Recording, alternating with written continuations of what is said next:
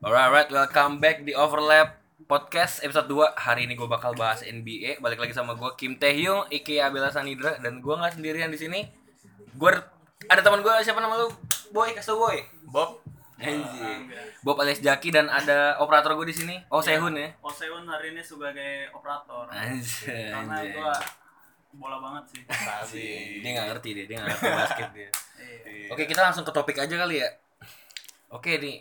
Eh, kita kayak lu lu tau lah ya, lu tahu Juni 30 sampai 1 Juli kita semua tahu free agency mulai, trade dimulai gitu kan. Draft dimulai. Lu gak usah ketawa dong.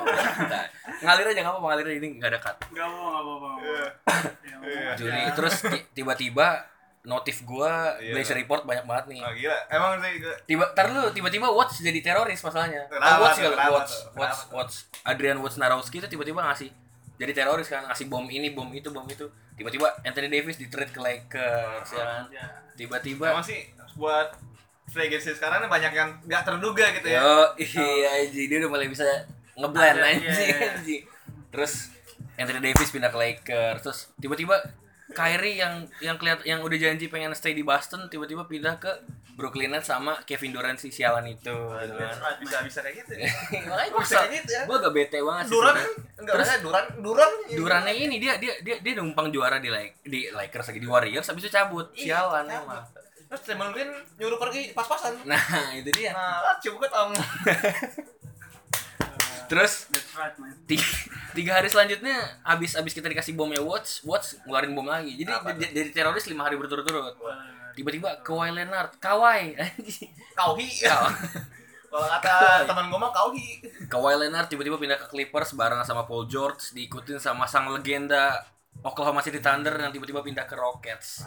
Your thought on that, Mr. Zaki Hidayat? Kasih tahu gua pendapat atau respon pertama lu. pendapat gue.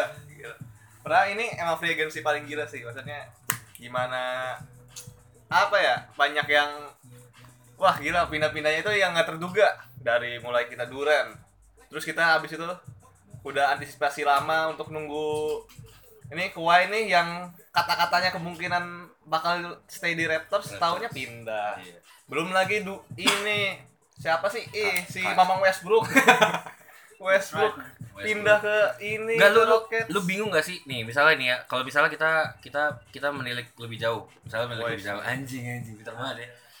Kalau menurut gua pribadi ya, Kyrie sama KD itu bisa cocok. Kyrie sama KD bisa cocok karena lu Nah. tahu Kyrie itu bisa tune in di sebuah sistem ketika dia tahu ada seseorang yang lebih baik daripada dia. Lu inget 2016 kan Kyrie Irving sama LeBron James itu Iya. kan workout banget tuh, ker- bekerja banget tuh duetnya. Sekarang Kyrie tahu nih ada seseorang yang lebih yang lebih baik daripada gua dan gue yakin Kyrie akan tetap ngeblend sama si Durant. Pertanyaan gua adalah menurut lu gimana nih Westbrook sama sama si Harden? Dua-duanya kan balhok nih, dua-duanya kan Ah. bola maksudnya bola dominan, pengen megang bola, pengen dapet stats stats yang gede, pengen jadi MVP. Di- digabung jadi satu tim jadi kayak menurut lu bakal sama-sama egois gak sih Jack? ya Jak? kalau mereka emang pengen ke finals ya atau pengen ke playoffs ya mau nggak mau sih mereka mesti nurunin ego mereka masing-masing dulu Nah, karena dilihat dari emang dari stats mereka dulu di di tim masing-masingnya Harden di Rockets Westbrook di Thunder emang gila gitu kan dan dua-duanya me- menggabungkan or- dua orang yang dominan itu di dalam satu tim itu bisa bisa resiko yang gede gitu parah sih. kayak kalau gue ngambil contohnya kayak Anthony Davis sama ini LeBron. bukan Oh, sama. Cousins. Eh, betul, betul, betul, Nah, Betul, ambil contoh kayak gitu yang dikiranya bakal jadi duo yang mematikan gitu ya tapi eh, didn't work well sama kayak mungkin sama kayak bakal takutnya ya Harden sama Westbrook bakal kayak gitu Iya. juga Soalnya kan dulu media-media Amerika tuh terutama pas si Cousins join sama Anthony Davis bilangnya, wah gila nih Twin Tower gitu kan. The Oh. next apa sih? Siapa sih yang dulu sih yang di Spurs? Tim Siapa? Duncan sama siapa? kendang kan Sama yang Robinson. siapa itu Itu deh pokoknya. yang dia pernah jadi MVP juga 2001 gue lupa namanya. oh Andre Robinson Bukan eh Andre bukan Robinson. Robinson. Eh, pokoknya itu terus dia dia mereka ngira bakal kayak gitu kan tapi ternyata dua-duanya sama-sama scorer nih defense-nya kurang banget dan itu malah jadi bom bunuh diri buat gua. Jadi menurut lu nih kalau perspektif lu aja sih Rockets yang harus nurunin ego siapa? Si Westbrook-nya kah atau James Harden-nya kah atau both atau dua-duanya gitu? Menurut lu siapa nih?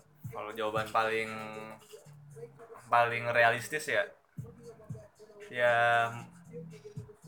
nggak mungkin sih kayak sus bakal susah gitu nurunin ego dua-duanya tapi harus gitu mau nggak mau karena ya kalau mereka tetap kayak begitu ya da- seperti dulu dulu ya jadi star player gitu berlaga seperti star player dan center of center of the Iya, team iya, kan betul, betul, betul. ya ya kita nggak tahu nggak bakal tahu kelanjutannya ya kemungkinan bakal malah downfall buat mereka Iya sih. Gue juga gue juga ngelihat hal yang sama sih. Gue nggak tahu kenapa ya.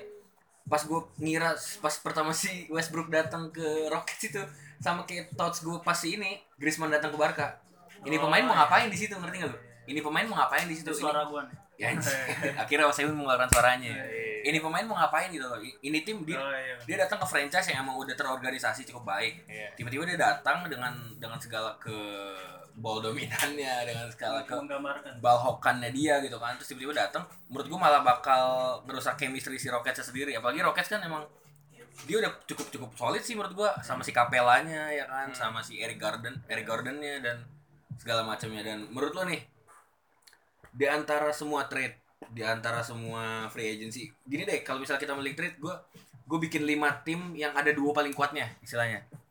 Westbrook Harden di Rockets eh, Clay Curry di Warriors terus di Clippers kita punya Kawhi sama Paul George di Lakers kita punya seorang siapa yang namanya itu LeBron sama AD terus di Brooklyn kita punya KD Kyrie. Menurut lo di antara lima duo ini sebenarnya duo masih banyak sih ya. Ada ada Kemba Walker sama si Gordon Hayward juga. Ada my man Giannis Antetokounmpo sama Chris Middleton juga. Tapi menurut gue yang paling stand out lima ini. Menurut lo siapa yang paling kuat dan yang lemah tuh siapa menurut lo gue Eh, penasaran sama kalau gue pribadi sih penasaran sama gimana Kyrie dan KD KD bakal ngebangun Brooklyn ya yang dulu posisi mereka ya bisa dibilang bawah banget. Dan baru diangkat sama D'Angelo Russell kan. Nah sekarang itu baru baru naik sampai playoff malah. Gila. Itu suatu achievement banget. Gue masih inget banget 2017 kita ngehina-hina ya Brooklyn Nets. Iya, kalau main Nets ya. main doa tuke itu pada nggak ada milih kalau kalau main. Brooklyn. tuh pokoknya Brooklyn Nets haram banget dipilih ya, kayak buat ngayangin orang lah Ya, main tiba-tiba tiba-tiba dua tahun kemudian mereka jadi playoff tiba-tiba jadi playoff kaliber tim dengan D'Angelo Russell dan iya. datengin Kyrie sama KD itu gila Nah, banget. ini sih, iya. Itu berarti lo Kyrie KD nomor satu. Nomor dua siapa? Nomor dua sih ini sih. Nggak jauh sih Lakers. Lakers berarti eh, LeBron sama AD Iya, karena dilihat dari gimana LeBron kan achievement striving banget dia tuh. Wah. Dia ya ambis parah lah kalau gue lihat pribadi orangnya. Pasti dia nggak bakal ngulangin ke- kesalahan yang dua kali lah. Apalagi dia udah tahu. Kan kalau menurut gua kenapa dia nggak masuk play Lakers nggak masuk playoff? Mungkin karena belum dapet chemistry-nya bisa jadi atau karena tipe LeBron yang eh, lebih pengen tahu timnya buat bisa work well with them. Menurut gua dia belum ngerti banyak tentang timnya sendiri. Dan di season lalu ya dia mulai udah belajar banyak gitu. Gua- gua season ini lebih better lagi. Gue setuju sih. Soalnya kan emang terutama ini franchise Lakers ya. Hmm. kita kita ngomongin whole organizationnya. Kan ada si Jerry Bass sama si siapa tuh? Jerry West ya? Siapa sih? Gue lupa yang presi Ropelinka ya? Ro- masa tatang nutri gel itu kan itu kan temen situ. Ropelinka ya. Ropelinka sama Jerry Bass tuh emang dia kan emang ngebangun tim yang Iya. egalitarian sebenarnya. Egalitarian yang emang pengen ngeratain semuanya gitu kan jadi either lu punya LeBron James di situ tetap aja LeBron sama Lonzo di treat sama gitu istilahnya kalau karena saking e- egalitariannya si Lakers gitu kan. Terus sekarang ditambah AD udah gitu lu nyadar gak sih? Dia mereka punya AD sama LeBron. Terus mereka tuh nge-build timnya bagus banget. Ada Jared Dudley ya kan? Ada Jared Dudley ada mereka juga resign seorang Caldwell Pope resign JaVale McGee juga di resign sama dia. Terus dia datengin beberapa shooter yang cukup baik juga. Menurut gua ini tim stack sih stack untuk compete seenggaknya bisa di tiga besar West dan we never know siapa tahu mereka dapat cincin juaraan Ah, gua. iya. kita nggak pernah tahu anjir tapi tetap aja Milwaukee Bucks paling kuat Hey. Nah, kita itu nanti nanti nanti personal opinions mentara gitu. peringkat tiga peringkat tiga peringkat tiga siapa Tiga. lu? ya Warriors Warriors berarti lu masih stuck di stay di Iya. Curry sama Clay Ah. alasan lu apa ya? karena bisa dilihat sendiri Warriors sebelum ada KD pun ya ya bisa kita kita gak usah banyak diskusi tentang Warriors ini udah udah terlanjur overpower dia iya di sana. terlalu overpowered banget berapa sih 739 ya? Hmm. 739 lu bayangin satu musim kalah 9 kali doang. Caranya gimana anjing? Nah, sekarang berarti berarti lu lu lu taruh KD Kyrie di satu, AD LeBron di dua, Clay Curry di tiga, lu masih sisa dua nih, lu Russ West Harden sama George Kawhi Leonard. Lu mau siapa nih? Di peringkat 3 sama eh, 4 sama 5 lu. In terms of duo ya, in terms of duo terbaik. Waduh. Kawhi sama Paul George. eh, something ada yang apa gitu yang pengen gue lihat dari mereka gitu gimana performa mereka musim ini nih kayak bener-bener unexpected duo gitu Iya iya iya betul. benar-benar benar-benar unexpected duo entah nggak tahu kenapa ya mungkin karena tipe Kawhi yang seperti itu Paul George yang seperti itu kalau misalnya Ras sama Harden gue masih eh, masih bisa lihat lah bakal ada dua kayak gitu soalnya gimana eh, orang-orang ngelihat Thunder yang dulu kan yang bertiga mereka itu Duran, Russell Iya, dan iya. mereka mengantisipasi datangnya Iya, duo iya, iya. Lihat kedua ini ya bukan hal yang aneh gitu. Terus tapi kalau ngelihat Paul sama Kawhi ini walaupun gua ini gua kasih posisi ke peringkat keempat lah istilahnya agak penasaran gitu gimana tuh agak penasaran nih. Iya, agak Ini penasaran aja. Orang, orangnya tidak bisa menyampaikan sesuatu sama si Bob ini ya. agak Saya bodoh. saya penasaran mah apa apa Si Bob ini agak bodoh. penasaran saya Ekspresi lu aja. Gua nggak ngerti apa yang diomongin. gue ngerti, gue ngerti. Gue gue setuju sama dia sih. Soalnya kan emang kita semua unexpected. Gue setuju banget yang dibilang unexpected. bakal kan- misterius lah ini Bakal misterius. Gue setuju. Soalnya lu gimana Oh, sih? iya. Lu punya dua small forward istilahnya ini kan. Hmm. Lu mau Iya. ngomong Paul George PF kayak, mau ngomong Kawhi Leonard shooting guard kayak. Iya. Dua-duanya ini sama-sama ya. dua-duanya ini sama-sama small forward sebenarnya kan naturally positionnya adalah small forward. Tapi mungkin kalau misalnya lu lu nge-stack di cari di starting lineup ya ini salah satu start- starting lineup paling stack sih. Lu punya Patrick Beverly, lu punya Kawhi Leonard, lu punya Paul George, lu punya Montrezl Harrell, semuanya tuh all defensive team, ngerti gak sih? Ini tim tuh bisa jadi tim defense terbaik di dunia, lu kenapa nyengir? Eh, gitu. Ini tuh bisa jadi tim super defense parah gitu kan. Gua nggak yakin sih ada tim yang bisa bener-bener ngebantai mereka kayak sampai 20 30 poin gitu gua nggak yakin sih. Paling Milwaukee Bucks aja sih paling ya. Paling Yanis aja nanti Yanis nyanis ya Yanis nanti ngedang dari dari ring dia sampai ring sebelah itu terjun woi emang gitu kan. MVP kita ya MVP kita. Berarti itu taruh di terakhir Russell Westbrook sama Harden. ah iya Gue sama kayak dia, cuman bedanya gue satu aja. Gue overallnya sama eh, ininya ranking gue, tapi ranking satu gue gue Kawhi Leonard sama Paul George. Nah. Itu ranking satu buat gue. Soalnya kenapa? Yang kayak tadi gue bilang ini tim defensif banget. Lu pernah, gue kalau gue ngutip dari salah satu pelatih terbaik ini in terms of sepak bola ya. oke Oh, Seorang Sir Alex Ferguson pernah bilang, Ada suara gua lagi. nih, neng kene Nih. neng kono di dalam Nggak, gini. tubuh yang kuat Nih. terdapat jiwa sehat nih, menyerang bisa memberikan kemenangan. Bertahan bisa memberikan lu gelar juara. Itu anjing. Jadi Clippers ini defense-nya kacau parah kan, punya Patrick Beverly, punya Kawhi Leonard yang tadi tadi gue sebutin, Montrezl Harrell juga ada di situ, shot blocker salah satu shot blocker bahaya juga. Jadi buat gue defense-nya Clippers yang dibangun sama Jerry West ini akan compete buat gelar musim depan. Anjir. Di Vidic Ferdinand ya? Iya. ini Vidic Ferdinand. Oh, iya. Kawhi Leonard sama Paul George ini Vidic Ferdinandnya Oh, basket. Anjir. Iya, bisa. Tapi tetap aja eh, nanti oke oke oke kita kita kesampingkan masalah hal tersebut berarti kita udah tahu nih gambarannya si Jaki ini kayak gimana kita Bob. akan langsung straight ya Saya Bob. oh Bob maaf nggak ada Jaki di sini Bob saya Kim iya. Taeyong Saya nih, Bob ya. Ingat Bob. Ingat saudara-saudara. Ya. oke jadi kalau sekarang gue pengen ini deh ya, salam Lu- lestari lu lebih general aja di sana lebih general nggak nggak nggak kelima tim tadi lu bisa nggak prediksi ini nggak prediksi sih kalau prediksi banget sotoy banget tuh kayaknya lu magician parah gitu kan iya lu gue pengen kayak lu pengamat NBA pak kayak pengamat NBA parah gitu kan. Tapi yang menurut lu paling wangi aja sih, Oh. paling paling wangi bakal dapetin cincin siapa nih? Wangi antara nih. paling wangi. wangi Yo, ini misalnya lu sebutin empat tim deh. Misalnya di West final siapa, East final siapa. Yang paling wangi ini masih jauh parah sih, masih jauh banget kita ngegambar ke situ. Tapi kalau seandainya kita ngeliat dari susunan roster masing-masing tim, menurut lu siapa? Ntar gua kasih tau pendapat gua juga. gua ya Lu. Menurut gua nih Iya, lu kan lu fans fans, fans OKC kan lu? Iya. OKC lu udah hancur lebur nih. aduh gimana Jadi gak bisa Iya. dimasukin. gua oke sih sama Celtic sih cuma Celtic udah pindah juga dari Kasih tahu, kasih tahu empat besar lu. Dua di West, dua di East ya. gua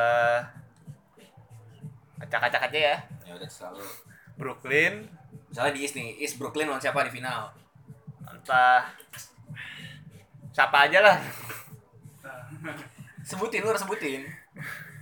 Eh, ada Milwaukee kan, ada Toronto juga di Jangan sebut-sebut di Milwaukee East. dong. Milwaukee. Sebut Milwaukee dong lah. siapa jadi lu kira-kira di East Brooklyn ketemu siapa nih di East Finals nih? Milwaukee sih gua pengen lihat gimana MVP kita nih. Anjing. Tapi nggak seriusan nih kalau gua ngeliat Milwaukee ini dengan hanya komposisinya ya begitu bisa nyampe ini loh. iya sih. Bisa sampai East Final ya. Iya. Sampai sejauh itu ya.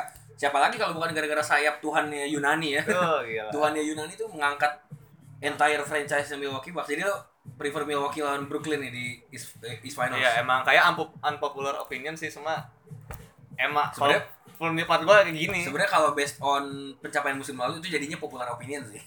kalau kecuali milihnya New York Knicks. Brooklynnya, Brooklynnya. Brooklynnya unpopular mungkin. Iya. Kalau di di West, nah yang tadi lu sebutin tuh ada Rockets, ada Clippers, Lakers. Siapa aja nih? Anda terlihat bingung dan tidak tahu ya. Anda terlihat kehilangan Bukan, arah saya, ya. saya, saya, lihat, saya lihat itu kenapa juggling juggling. Nih, apa? Tar dulu, tar dulu. Ini belum sebutin. Sebenarnya ada musik ini. West lu, West lu dua siapa yang kasih tahu? West lu. Eh, Lakers lah. Lakers sama lu masih punya Clippers, lu masih punya Rockets, lu masih punya Golden State, masih banyak. Ini ini emang emang emang si ini operator gue oh, Seun ini lagi nyetel lagu video-video lucu gitu guys. Jadi ya dia ketawa-tawa terus. Soalnya Clippers, Clippers. Clippers berarti. Eh, Alasan lu kenapa? Ya Lakers, LeBron nih udah ya udah gak usah ditanya lah ya. Semua orang tahu LeBron Nah, lah ya. tahu LeBron ya. Nah, King James nih gimana udah emang langganan masuk playoff lah. He is a whole different Iya, animal istilahnya. Malah final lah ya. final bisa Gini aja deh.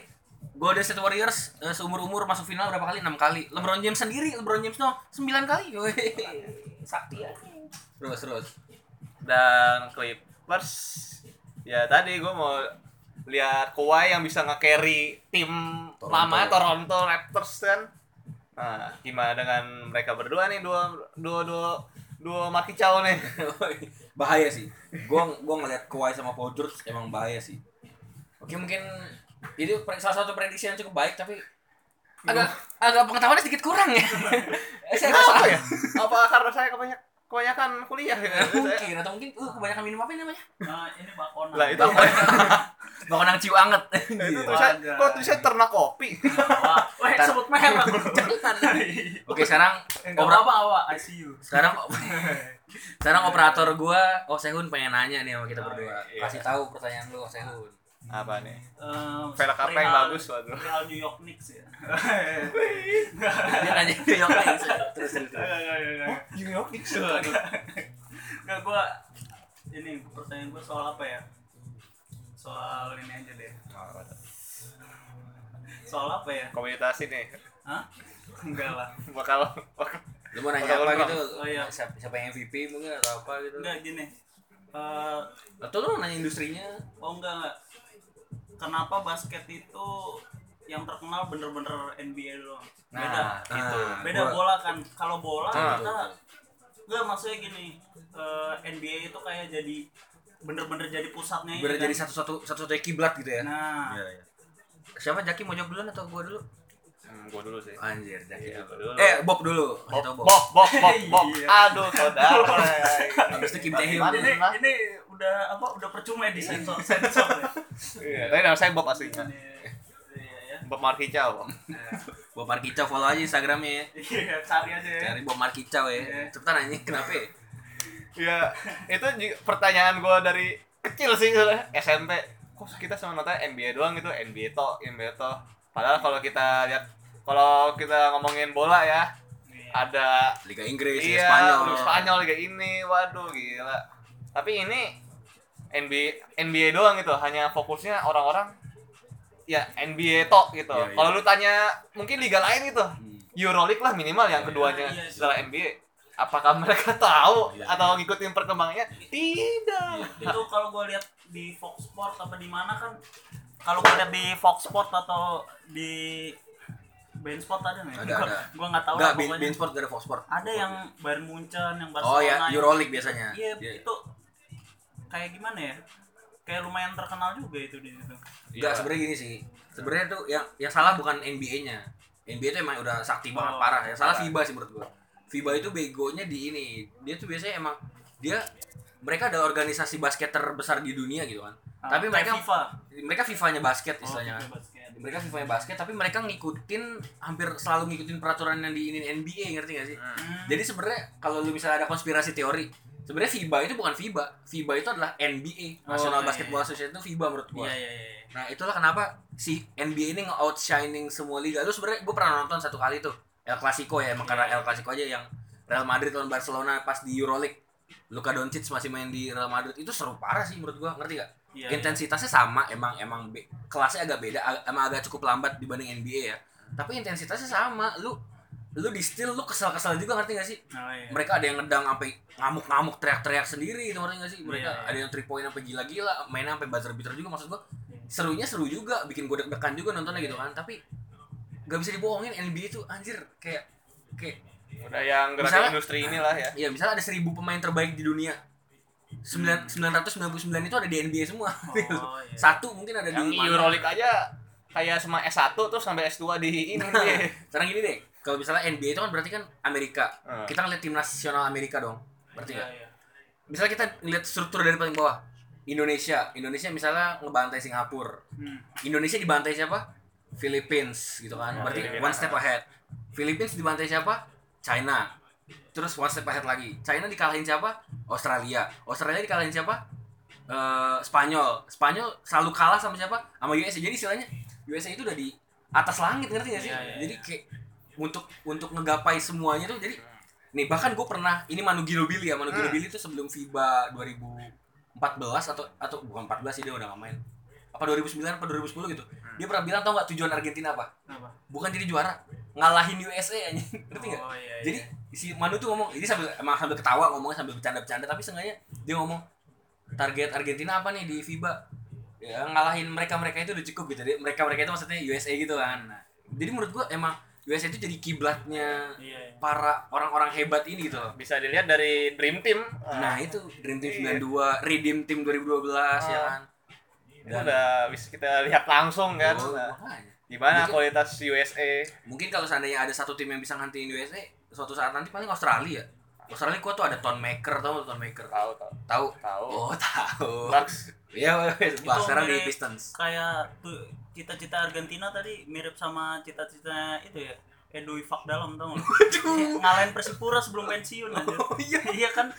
aduh jauh perbandingan dari NBA kan ke Persipura Jayapura Itu gue cari dulu sih. Operator. ya ini sih kalau Australia kan dia punya Ton Maker punya Ben Simmons Dante Exum juga dia ada di Iya. situ ada Matthew Della Vedova menurut gua mereka rising sih mereka bisa suatu saat ngasih kesulitan lah dan satu lagi tim yang bisa ngasih kesulitan Mi, eh, Greece karena ada Giannis itu aja Sama adenya? Thanasis ya, ya abangnya abangnya Oh, abangnya tak ada sih. kan ada Thanasis Giannis Kostas Alex belakangnya lu tahu sem- semua lah samanya anti tekumpo semuanya Nah, Itu. satu lagi nih pertanyaan gua. Apa? Lo berdua kan sebagai pandit basket nih. Oh gila. Parah sih. Nih menurut dua pertanyaan nih. Menurut lo basket eh eh enggak. Eh iya. tidak konsisten Tidak konsisten. Kok Anda menjadi saya? Menurut, menurut lo basket di Indonesia Nah, eh khususnya liganya ya. Hmm. Liga liganya itu kualitasnya kayak yang nggak usah dibandingin sama NBA lah udah Ya, udah, itu udah jauh di ini maksudnya eh, udah lebih berkembang atau gimana dan klub jagoan lu siapa di Indonesia kalau lu kalau lu mengenal ya Gua lu cukup mengenal gue nggak? ber bertahu semuanya sih Lu- tim, lu cukup mengenal. jujur aja gue Gua gue CLS. nonton ABL nih ya CLS gue lu dulu apa? misalnya CLS Night Surabaya nih Oh, soalnya kalau misal in terms of eh, basket Indonesia itu ada dua sebenarnya apa? IBL sama ABL ABL Oh, itu beda. ASEAN Basketball League CS Oh. CLS CLS itu wakil Indonesia ngerti gak? Kayak Liga 1 Liga 2 lah. Nah, bukan sih. Kayak- Kalau gua ngeliatnya kayak gitu, Bang. ya Oh. mungkin. Istilahnya ABL itu Liga Champion, Iya, iya, ngerti iya. gak? Liga Champion. oh iya Nah, Nah, lebih tepatnya gitu lah. IBL itu eh, liga, kalau ini Liga Championnya gitu nah. Kalau menurut gue pribadi ya, IBL itu sekarang berkembang banget sih menurut gue ya. Iya peminatnya juga banyak. Peminatnya juga banyak cuman ada satu masalah IBL yang nggak yang nggak pernah selesai dari beberapa tahun yang ke belakang juga kan Oppo itu. adalah masalah gaji. Pak Jaki eh Pak Bob. Yang masalah gaji yang itu tahu kan? Bob, lu, Bob, lu mungkin nggak tahu tapi gue tahu si Nuk. Ada pemain namanya Nuk Nuke Trisaputra Iya. itu dia most improved player. Lu bayangin ya rata-rata pemain Indonesia tuh bikin poin 9, tahu nggak? 9,8 poin per game. Paling banyak tuh pernah Andakara Prastawa 11 poin. Ini dia di musim 2 tahun lalu 12,8 poin per game. Si Nuke Trisaputra ya itu istilahnya di atas rata-rata parah kan? Di buat Indonesia. di Indonesia. Itu tapi jago banget kalau untuk ukuran Indonesia. Dia itu most improved player calon MVP juga. Terus musim depannya lu tahu dia ngapain? Ngapain? Memutuskan untuk pensiun di umur 24 tahun. Wah gila. Tahu gak kenapa? Kenapa? Dia daftar PNS gajinya berapa dan dibandingin sama basket sama IBL Iya. gaji di PNS lebih gede. Gila. Ngerti nggak maksud gua? Iya iya iya. Parah kan kasihan kan maksud sama gua kayak atlet bola di Indonesia kurang lebih seperti itu. Jadi banyak yang gitu. jadi misalnya di P- PN- jadi PNS itu 3, 3 juta misalnya. Dia tuh mungkin jadi pemain basket 2 2,5 gitu ngerti nggak? Iya iya iya. jadi kan kasihan kan? Hmm. udah lu harus olah- harus latihan setiap hari lu harus minum nutrisi harus jaga badan lu harus kesiksa mati-matian lu tidur jarang. Hmm. gaji lu nggak lebih besar daripada orang-orang yang cuma maaf maaf kata misalnya duduk aja gitu kan nggak main komputer aja sambil ngitung-ngitung ini gitu kan anda memancing ya Jangan. Bisa Jangan. bisa bisa menimbulkan Enggak, perseteruan. enggak enggak apa-apa jujur kan Iya. jujur gua gua Iya, harus jujur. reaction aja misalnya kayak gitu jadi kalau misalnya kalau lu nanya perkembangan basket Indonesia dari segi permainan berkembang banget tapi kalau misalnya lu bilang- Organisasinya. organisasinya atau keuangannya atau apa kita masih jauh banget di bawah ya, Ya, di- jadi- mungkin di si- sama Thailand juga kita masih kalah sih Iya. dari organisasinya ya satu lagi Gitu nih kalau taruh lu, lu tadi yang tim favorit gua kan Hah? tim favorit gua adalah Stapak Jakarta Anjir. karena di situ ada seorang pemain yang bagus lupa namanya gua sial lupa kalau Ini- gua ini Sat- melihat Satria Muda terlihat. Britama gua. Eh, terlihat nih bagaimana pengetahuan orang Indonesia. Terus terus. Satria Muda Britama gua. Oke apa lagi pertanyaan lu tadi kata lu? Ada satu lagi nih. Apa? Gue kelihatan banget sih ini gue lihat kalau di NBA NBA gitu. Ada empat kicau. bukan bukan. La- lapa- lapangan lapangan itu kayaknya kelihatan kecil gitu. Tapi kalau Indonesia kelihatan gede. Ya to the point aja. Pemain Indonesia pendek gitu. Nggak. Harus ada narasnya dulu. Nggak ya bener kan? Pemain Iya. Indonesia ya eh, gimana ya gue gue jadi bertanya-tanya juga Emang- itu kan ra- itu kan rata Iya, iya. itu kan rataan orang Indonesia ya segitu Iya. untuk Mereka eh, tinggi itu kan dibutuhkan letak geogra- banyak gizi- faktornya lah. iya Gizi, letak geografis, Iya. segala macam. lu Nah, lu gizi itu secara apa secara sejarah kita udah terlanjur eh apa makanan pokok kita itu udah kebentuk kayak gitu ya ini masih nyambung ya masih nyambung Eh, Atau menurut penjajahan aja. menurut yang, yang tau yang gue bingung sekarang apa gue masih judulnya apa ini Oh, iya. yang dari free agency tiba-tiba enggak sejarahnya nggak Itu apa kolonialisme. nggak apa nggak apa kan kan ini pertanyaan dari gua kan ini pertanyaan dari gua Eh pertanyaan gua menurut lo tinggi badan itu ngaruh banget nggak ke Eh, basket oh Kalau gue sih meter sih. terus jadi Ah. bob dulu bob dulu Ya bisa dilihat gimana pemain-pemain luar kan lebih tinggi-tinggi. Bukannya agak diskriminasi atau gimana, cuma gue realistis aja gitu. Dengan tingginya itu bukan main gitu ya, 180 cm, bukan tinggi doang, gede juga badannya. Kalau kita banding Indonesia, lalu misalnya ingin masuk ke arti kata ke apa sih namanya? Olim olimpiade lah ya. Olimpiade kan? Ah, saingan gitu. Saingan gitu kan. Bersaing lihat kan tadi. Lawannya lawannya besar besar semua ya, ini. bahaya sih disepat itu misalnya mau masukin poin ini ngapain nih orang nih? Ya blok aja gitu. Iya. Tapi nggak me nggak me nggak me nggak me apa sih bahasanya? Nggak menutup. Kemungkinan untuk Indonesia ya untuk bersaing dengan mereka gitu ya kan? Berarti nggak apa yang menguntungkan tubuh lebih tinggi itu dalam basket? Ya everything pertanyaannya everything ini. sih Bisa. gini ya gini kalau menurut gue ya menurut gue ya nih. Iya. kan basket itu sebenarnya di kayak bukan basket sih olahraga ya secara garis besar in general olahraga itu kan dibagi jadi dua orang yang emang berbakat sama orang yang emang pengen kerja keras ngerti nggak lu Messi Ronaldo baik itu berbakat ataupun kerja keras di basket menurut gua agak rancu ketika lu punya badannya lebih tinggi ngerti nggak lu? iya Oh. ketika lu punya badan lebih tinggi ah persetan bakat persetan kerja keras lah lu akan lebih diuntungkan dan tim-tim bakal lebih ngelirik lu ngerti nggak Iya, istilahnya iya. nah terus kalau misalnya kayak gimana ya gimana ya misalnya ya kayak misalnya gue ngambil contoh Dwight Howard deh Hmm. nah Dwight Howard kan gede parah tuh physical dia kan Yanis juga bisa sih. Iya, iya, iya, Yanis aja, Yanis ya. Yanis kan idola gue tuh. Misalnya gue ngambil Yanis Antetokounmpo tuh tangannya panjang parah, wingspan-nya panjang parah kan, tingginya juga gila banget. 7 7 7 7 7 7 kosong apa sih? Tujuh tujuh tujuh tujuh. 7 berapa sih? 71 ya? 71 atau Wingspan-nya? 70 enggak, bukan tingginya. Jeremy Lin Nah, menurut gue tuh si Janis emang dia lahir dengan physical specimen seperti itu. oh iya Tuhan memberikan dia physical specimen oh seperti itu itu. tinggi tadi ya? Tinggi banget parah, dia tinggi banget terus berapa berapa 7 7 0 atau 71 gitu gua gua enggak tahu. Bro, gua nggak Kayak tahu. gitu kan itu misalnya Di 6, TM. 6, koma berapa gitu. Iya. oh Nah, si Yanis itu emang di- diberikan physical specimen yang seperti itu dan itu emang letak geografis negaranya mungkin yang emang kayak gitu ngerti gak sih? Iya, iya. Lu gini deh, lu misalnya ke Serbia. Greece, lu misalnya ke Greece atau ke Serbia atau ke Slovakia, itu kayak anjir jalan, lu jalan-jalan sama tiang listrik tuh. Iya. Nih, gue di Discord gue punya aduh, gue ini lagi. Gue di Discord tuh punya grup yang emang isinya orang-orang luar kan, yang gue bahas NBA. Terus pada nanya-nanya tuh tinggi badan lu berapa iseng-iseng kan. Gue gue proud dong ngomong, "Eh, gue 181 nih tinggi nih." gitu kan. Terus tiba-tiba gue 16 tahun se- 191 orang mana? Slovakia atau mana gitu, ngerti gak lu?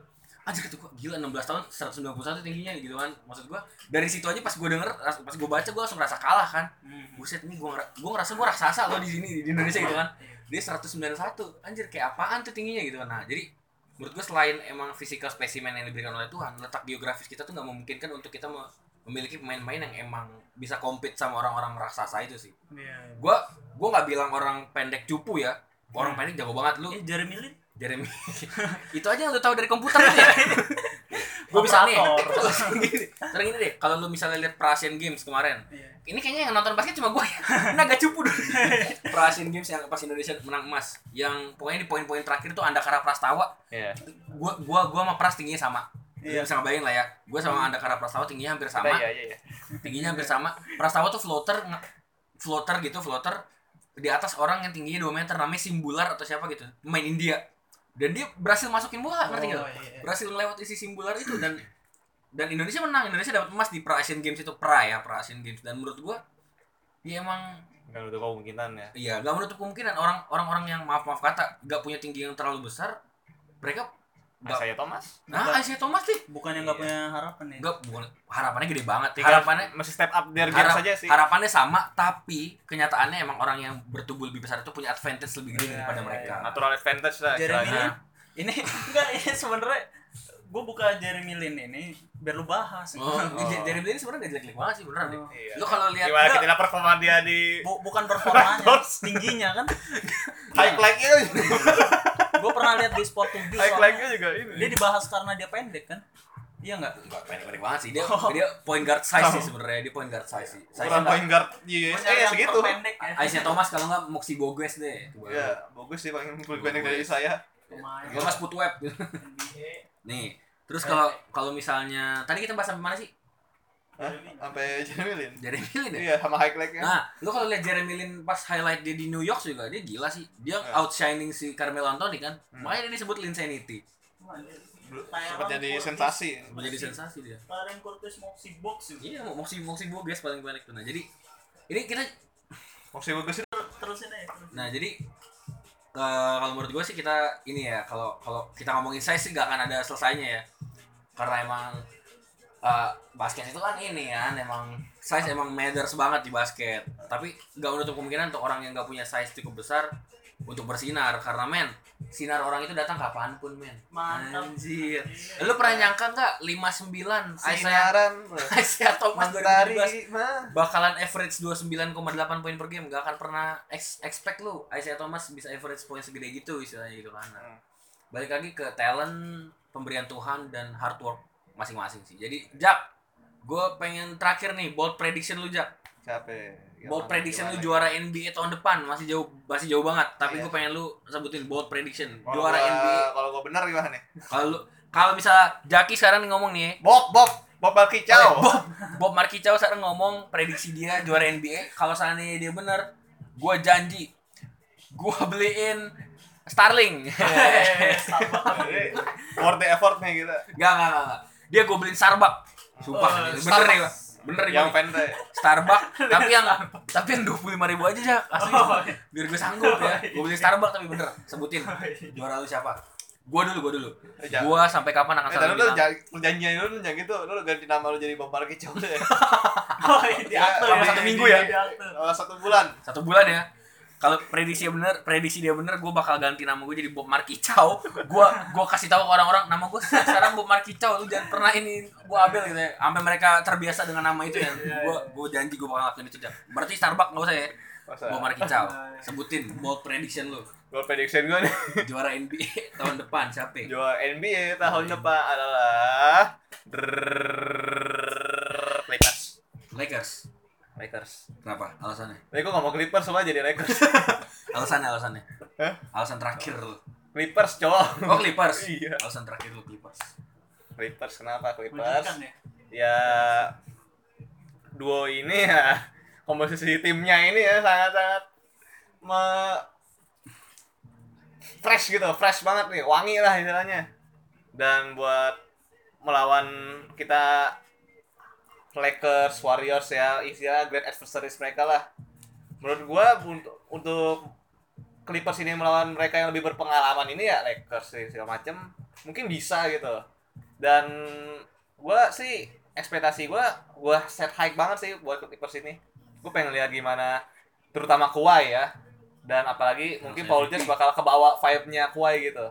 Dia juga jadi jajan jadi MVP ini Kita ntar. nggak pernah tahu kan Iya, kita Siapa nggak tahu Paul George MVP regular season, Kawhi Leonard MVP finals. Gila, double MVP dalam satu tim kapan lagi kan? Gue cukup setuju sama pendapat lu sih. Yang pasti sekarang fans-fans Clippers nih sekarang lagi mastur basket. Yang pasti sekarang fans-fans Clippers lagi Clippers lagi konak parah sekarang lagi mastur basket parah. Mereka lagi ngerasain titik tertinggi dalam kehidupan mereka istilahnya gitu kan. Pak Konang dulu. Mereka istilahnya lagi ngerasain titik-titik paling bahagia dalam hidup mereka. Kalau gua sih Clippers oke, Clippers oke. Mungkin bakal ketemu Clippers di final. Ini ini operator karena nggak ada kerjaan jadi ngasih gua minum terus. Sialan. Nanti aja gua nggak tahu sih. Oh iya. Nah, kalau buat gue pribadi karena emang gue jadi udah jadi fans Milwaukee dari tahun 1997. gue jadi fans Milwaukee dari Zaman lahir. dari zaman Giannis di mulai-mulai dapetin spotlightnya dia gue akan tetap bilang Milwaukee. Tapi ada alasannya gue nggak asal ngomong aja. Milwaukee musim lalu 60 win games. Terus kita bisa bilang Giannis Antetokounmpo gak punya tandem yang bagus nih. Chris Middleton cuma numpang All Star aja nih gara-gara Giannis. Gue gak setuju sih tim yang dibuild around Giannis tuh bagus banget menurut gue sekarang mereka datengin Kel Korver three pointer salah satu three pointer terbaik di NBA kan. Mereka punya bulldog nih yang sialan banget yang susah banget dilewatin Eric Bledsoe. Mereka punya pemain yang emang bisa scoring juga di Middleton. Mereka bisa dapetin double Lopez lo gak tau kan? Robin Lopez sama Brook Lopez ada di tim yang sama sekarang. Jadi menurut gua emang secara generalnya si Milwaukee ini baik entah benchnya ada Pat Connaughton juga kan ada si, si siapa eh yang kemarin di ah shit man gue lupa pokoknya emang benchnya Bucks itu stack banget menurut gue jadi mereka akan ada satu saat di mana mereka bisa sampai di final musim depan sih menurut gue menurut Oh Sehun siapa yang bakal jadi juara NBA musim depan? Eh, San Antonio Spurs. Waduh. Waduh. Kenapa eh, pemain bintangnya San Antonio Spurs siapa? si ini apa? Terry siapa? Ini, Terry ini. Putri ya. Terry Putri. Bukan Demar Derozan bukan ya? Oh, bukan. Mana Itu kurang sih. Itu kurang. Rada kurang sih. Jadi prediksi lu adalah San Antonio Spurs. Sa- San Antonio. For no reason aja. Dengan, Enggak, sama- star playernya sama gue punya celananya San Antonio Spurs kan. For no reason lu sebut San Antonio Spurs dan lu punya celananya aja. Iya. Alright, segitu aja paling ya bahasan kita nih. Bahasan gue dengan salah, salah, salah dua pundit profesional. Iya, profesional yang sangat, yang sangat amat terbiasa diajak ngobrol NBA. Iya. Thank you Saya saya Bob Markicau. Saya tidak tiada hari tanpa NBA. Osehun. Itu belum belum gitu juga sih. gue pengen bilang thank you dulu buat Bob Markicau. Oke. Thank you buat Osehun. Ya, Sekarang tapi sekarang Nggak nama gue suara. ganti. Gak ada suaranya. Gini, Oh, kan iya. biasa gak ada suara. Ah. ini sama Oh ini. ya, taruh. thank you buat Bob Markicau. Thank you Oh, iya. buat Osehun. Waduh. Osehun bentar di bentar lagi. ya. Bentar lagi Gue mau- udah bukan Bob Markicau lagi. Siapa ya? Jared Martinez.